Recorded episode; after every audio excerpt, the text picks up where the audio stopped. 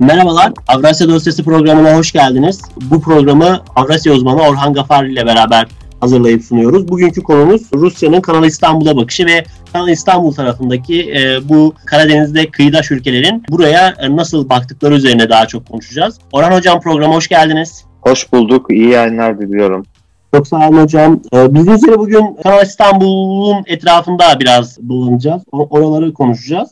İlk olarak da şeyi sormak istiyorum. Yani Rusya'nın Kanal İstanbul'a e, bakışı nasıl? Yani jeopolitik olarak Kanal İstanbul'a nasıl bir anlam yüklüyor? Yoksa hiç de tartışılan ve çok da önemsenmeyen bir konu mu şu an Rusya'da? Ya aslında ilk bakıştan Türkiye bağlamındaki tartışmalara baktığımız zaman yani jeopolitik olarak Rusya'yı da çok tedirgin eden, ilgilendiren bir konu olması gerekiyor. Keza biliyorsunuz bu asker askerlerin imzaladığı bildiri, e, bunun üzerinden Türkiye'de muhalefet iktidar arasında Kanal İstanbul'la ilgili tartışmalar şöyle bir e, hava oluşturuyor. Yani ciddi bir jeopolitik değişim dönüşüm olacak Kanal İstanbul'la ilgili. Ve bu direkt olarak Rusya ilgilendiriyor. Çünkü neredeyse Osmanlı'dan başlayarak Rusya, Türkiye, Sovyet, Rusya, Türkiye ilişkilerinde Kanal İstanbul yani Boğazlar meselesi en önemli güncel konulardan birisidir. Yani bana da ilk önce ilk bakıştan öyle geldi. Yani kesinlikle e, Rusya buna karşı çıkacak. Çünkü bu Karadeniz'in jeopolitiğini değiştiriyor.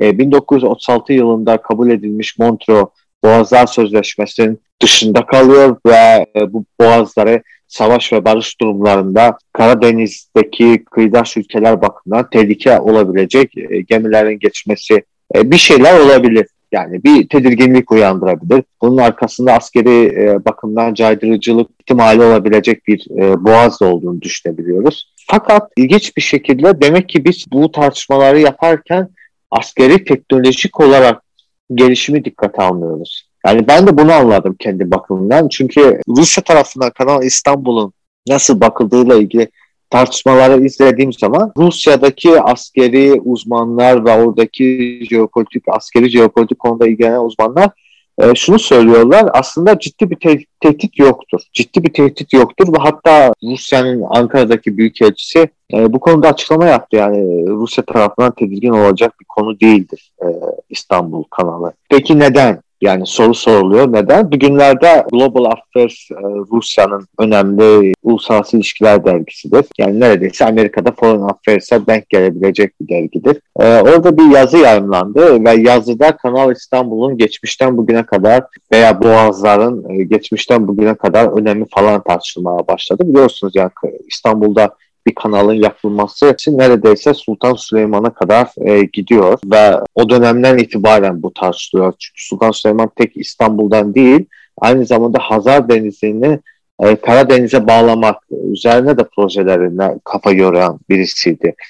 Yani geniş bir jeopolitik bakışı, vizyonu olan bir sultandı. Ve Ruslar şunu söylüyorlar, tabii yani 19 ve 20. yüzyıldaki askeri teknolojik e, gelişimi dikkate aldığımızda evet Boğazlar'da bir sözleşmenin olması ve Rusya'nın güvenliğini e, garanti edebilecek bir anlaşma ihtiyaç vardı. Fakat bugün e, bu değişti. Artık e, askeri teknoloji, füzeler, uzun menzilli, orta menzilli füze teknolojisi, hava savunma sistemi, yani hava e, havadan havaya savunma ve karadan havaya savunma sistemi çok değişti. Yani soğuk savaşın neredeyse 60 soğuk savaş yılları 60'lardan sonra ciddi bir atılım oldu teknolojide.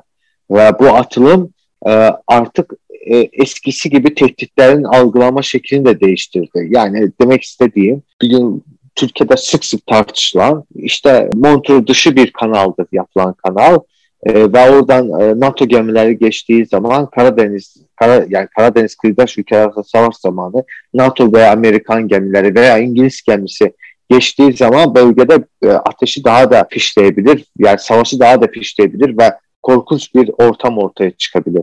Aslında böyle değil. Yani askeri uzmanlar şunu söylüyorlar. NATO gemileri savaş durumunda Karadeniz'e girmez veya Amerikan gemileri. Girmeme nedeni daha hızlı hedef haline gelmeleridir. Çünkü siz Karadeniz'e niçin gireceksiniz? Ee, Ege diyelim mesela Rusya ile Batı arasında bir savaş çıkarsa vurmak için. Rus üsler, Rus donanmasını vurmak için. Fakat siz Karadeniz'e girdiğiniz zaman evet siz bir e, caydırıcılık bakımından hızlı olarak Rusya'nın askeri üstlerini donanmalarını imha etmeyi düşünebilirsiniz. Fakat bunu yaptığınız zaman şunu da göze almanız lazım. Siz de aynı hızlı şekilde imha edilebilirsiniz. Yani bir NATO gemisi Karadeniz'de hızlı imha edilebilir. Neden Karadeniz'e girip Rusya ile Karadeniz üzerinden savaşsa? Çünkü artık biz karadan savaş yürütmüyoruz, asker e, indirmiyoruz karaya, gemiler üzerine. Artık çok değişti askeri savaş teknolojisi.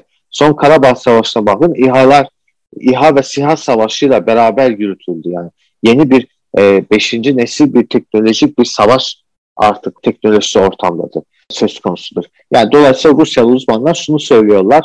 E, artık askeri ve füze fırlatma teknolojisi öyle gelişti ki yani bunu böyle e, Karadeniz'in kıyısına gelip Rusya'yla savaşmaya gerek yok. Yani Amerika için en mantıklı olan Kıbrıs'tan yani Kıbrıs bölgesi, Doğu Akdeniz'deki Kıbrıs bölgesinden Yunanistan tarafından Ege adalarından füze fırlatmaktı. Çünkü oradan füzeyi fırlattığı zaman şunu düşünüyor. Evet benim füzem imha edilebilir ama bana atılacak füzeyi ben de imha edebilirim. Savunabilirim kendimi. Yani bu mesafe kısaldıkça risk ortamı daha da yüksek oluyor.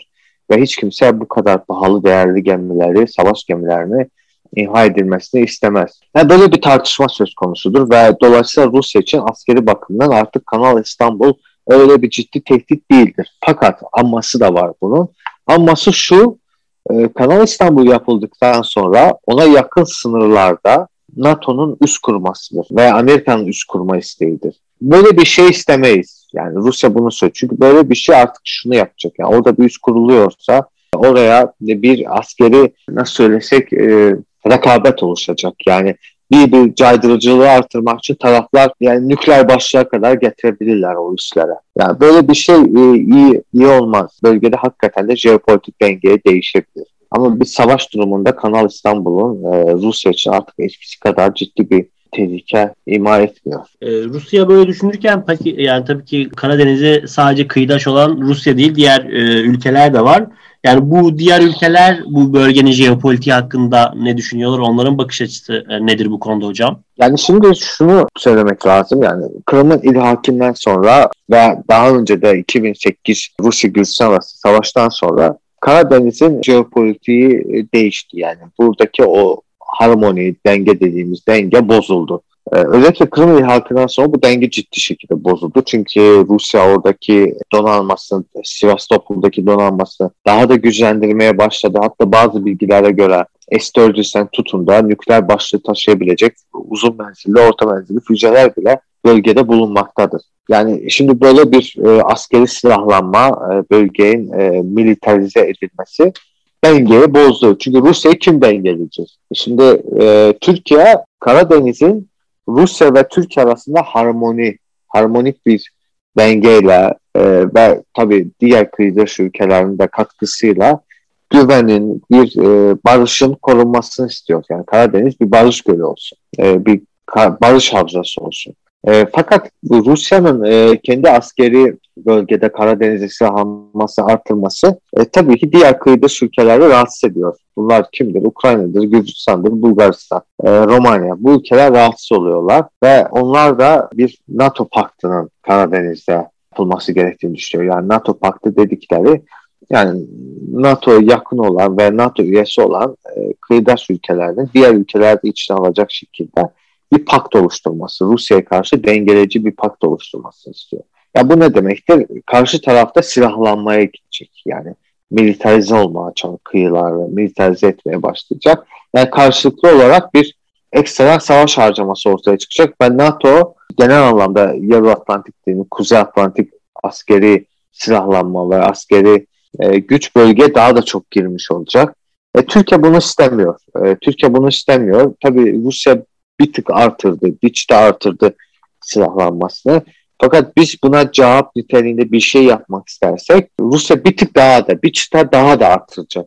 Yani bu bitmeyen böyle e, bir tık daha artırmak, bir tık daha artırmak bitmeyen bir rekabete dönüşecek ve bu denge oluşmamaya baş yani e, sıfır oyun e, şeyi bozulacak yani. Yani Türkiye ile aslında Rusya bir şekilde birbirlerini anlamaya çalışıyorlar. Bir dengeyi korumaya çalışıyorlar. Fakat diğer kıyıdış ülkeler işte kendi güvenlikleri bakımından bu e, mevcut konjonktür, konjonktürden rahatsızlar. Özellikle Romanya, Gürcistan, Ukrayna bu konudan çok rahatsız. Ya yani Bulgaristan da bir şekilde rahatsız ama Bulgaristan Rusya'da o siyasi iletişimini korumaya çalışıyor ve aralarında ciddi bir sorun olmadığı için çok bu şeye girmemeye çalışıyor. Bulgaristan daha çok Türkiye ile e, Rusya arasında dengeyi korumaya çalışıyor. Yani böyle bir e, ortam söz konusu, jeopolitik resim söz konusudur. Bu nasıl çözülür, nasıl olur bunu zaman gösterecek. Fakat bizim gördüğümüz Romanya'da NATO'nun üst kurma isteği, İngil İngiltere'nin Ukrayna'da üst kurma isteği, yani bu denge değişecek sanki. Sanki Türkiye zamanla bu kıyıdaş ülkelerle Rusya'ya karşı bir e, pakt oluşturup bir denge oluşturması gerekecek. Yani bu dengeyi Türkiye'nin önderliğinde yapılması lazım. Çünkü e, NATO'nun en uzun e, kıyısı olan e, ve en önemli partneri olan bölgede Türkiye'dir. Yani Türkiye'nin bu konuda önderlik yapması lazım. Ya da üçüncü senaryo demilitarize olması bölgenin. Yani ciddi anlamda kıyı dış ülkeler kıyıda, Karadeniz kıyısında askeri silahlanmayı durduracak bir pakt imzalaması lazım, bir anlaşma imzalaması lazım. Birbirlerini tehlike, tehdit edebilecek uzun menzilli, orta menzilli gibi füzelerin çekilmesi gerekiyor. Ya bu mümkün mü? Ee, yani bugünkü konjonktürde mümkün değil. Çünkü hem Gürcistan'ın Rusya ile toprak meselesi var. Yani toprak ilhak söz konusu Abhazya meselesi. Ukrayna ile Rusya arasında Kırım ve Donbas bölgesi tartışması var. Yani böyle bir ortamda bu mümkün gibi gözükmüyor. Tabii Karabağ'da, Güney Ossetya'da biz aslında Karadeniz bölgesinin sorunu olarak da ele alabiliriz. Yani sonuç itibariyle bölgede ciddi sınır sorunları var, toprak ilhakı, sınır değişimi söz konusudur. Yani bahsettiğimiz üçüncü gerçekleşmesi bugün mümkün değil. Bugünkü küresel jeopolitik konjonktür buna müsait değildir. Ya sorunuzu cevaplamış oluyor. Anladım hocam. Teşekkür ederim. Peki hocam bir de burada yani şimdi Rusya'dan bahsettiniz, Amerika'dan bahsettiniz. İşte üçüncü bir dünya gücü olarak Çin'den biraz daha bahsedelim istiyorum. Yani bu Çin'in İpek Yolu projesi kapsamında Kanal İstanbul nerede oturuyor? Ve yani burada olası Çin, Amerika ve Rusya denkleminde nasıl bir anlam ifade ediyor olabilir bu Kanal İstanbul? Dünyada üçüncü güç diyelim. Ee, Çin aslında e, yani bir küresel güçtü. Neredeyse Amerika'dan sonra ikinci küresel güç haline gelmişti. Şimdi Çin, Çin için yani İpek yolu dediğimiz Belt and Road konsepti çerçevesinde e, Türkiye orta kuşak dediğimiz bir hattır. Yani kuzey kuşak var, e, vardır. Bu Rusya üzerinden geçiyor. E, Rusya ile Avrupa'yı birbirine bağlayan e, bir hattır. Hatta daha sonra buna işte biz Arktik bölgede buzların erimesinden sonra yol daha da kısalacak. Kuzey Avrupa ile Çin arasında ve o hattı da Çin kullanmaya başlayacak. Orta kuşak ise bu Mançurya'nın aşağısından diyelim e, Uygur bölgesi içerecek şekilde Orta Asya, e, İran, Türkiye ve Avrupa'ya açılan bir hattır. Bu hat tam olarak faaliyeti e, söz konusu değildir. Çünkü bölgede ciddi sorunlar vardır. İran yaptırımlar altındadır.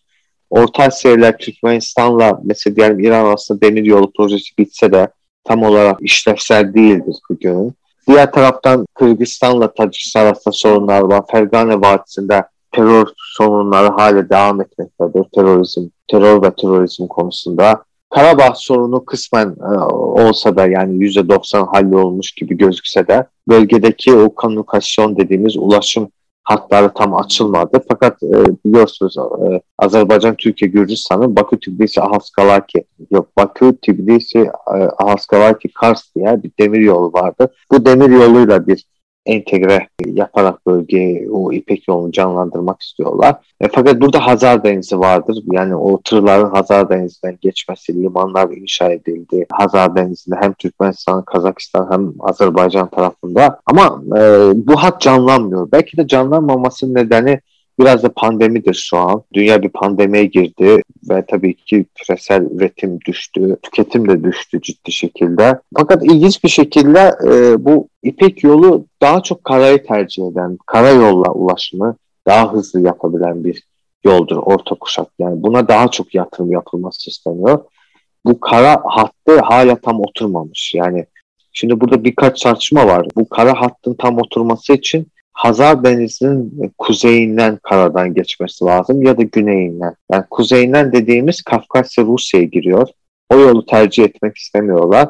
Güney dediğimizde işte Türkmenistan'la İran sınırlarına geçen bir hattır. E, orası tam işlevsel değil. Yani İran'la Türkiye arasında demir yollar tam olarak tamamlanmamış. Fakat bütün bunlara rağmen Kanal İstanbul bu taşımacılık bakımından e, ciddi bir rol oynayabilir. E, özellikle Bender Abbas Limanı'ndan Akdeniz'e geçip oradan da Avrupa'ya ulaşma bakımından tırlar ciddi bir rol oynayabilir. Yani Kanal İstanbul'un yani orta kuşakta bir yani batı ile doğu arasındaki o güney kuzey orta kuşaklar yolları içerisinde orta yol önemlidir. Yani zamanla bu yolda gelişecektir ve Kanal İstanbul'da bu yola katkısı olabilir. Yani anladığımız kadarıyla Kanal İstanbul yani bunu şimdi bütün bu üç sorudan sonra toparlarsak meseleyi e, isterseniz toparlayalım. Yani Kanal İstanbul'un bugün Türkiye bakımından çok tartışılacak yanları var. Yani ekolojik sorunlar vardır. Türkiye'nin batı e, kıyısıyla yani batıyla ilişkisi kesilmesi, karasal ilişkisinin kesilmesi, oradan akan nehirler, su sorunları vardır. Yani bunlar daha çok tartışılacak konulardır Kanal İstanbul'la birlikte. Yani askeri güvenlik konular daha ikinci planda duruyor. Yani bugün artık askeri teknolojinin gelişmesiyle eski teknikler artık güncel değildir günümüzde. Bu konular daha çok yani hem ekonomik hem askeri olarak Kanal İstanbul'la ilgili ciddi bir tartışma yok. Fakat bunun ekolojik sorunlar, doğuracağı sorunlarla ilgili tartışmalar vardır. Benim anladığım kadarıyla. Yani kısaca bu Kanal İstanbul'un bölgede ve Türkiye'de yansımasını tartışmış olursak işte bu resmi görebiliriz. Çok teşekkür ederim hocam verdiğiniz bilgiler için. Benim de burada sorularım bitti. Sizin eklemek istediğiniz herhangi bir şey var mı? Yok sağ olun ben teşekkür ederim. Çok sağ olun. Bugün Avrasya Dosyası programında Orhan Gafar ile beraber Rusya'nın ve e, Kanal İstanbul'a bakış etrafında genel bir değerlendirme yaptık. Bizi dinlediğiniz için teşekkürler. Kulağınız bizde olsun.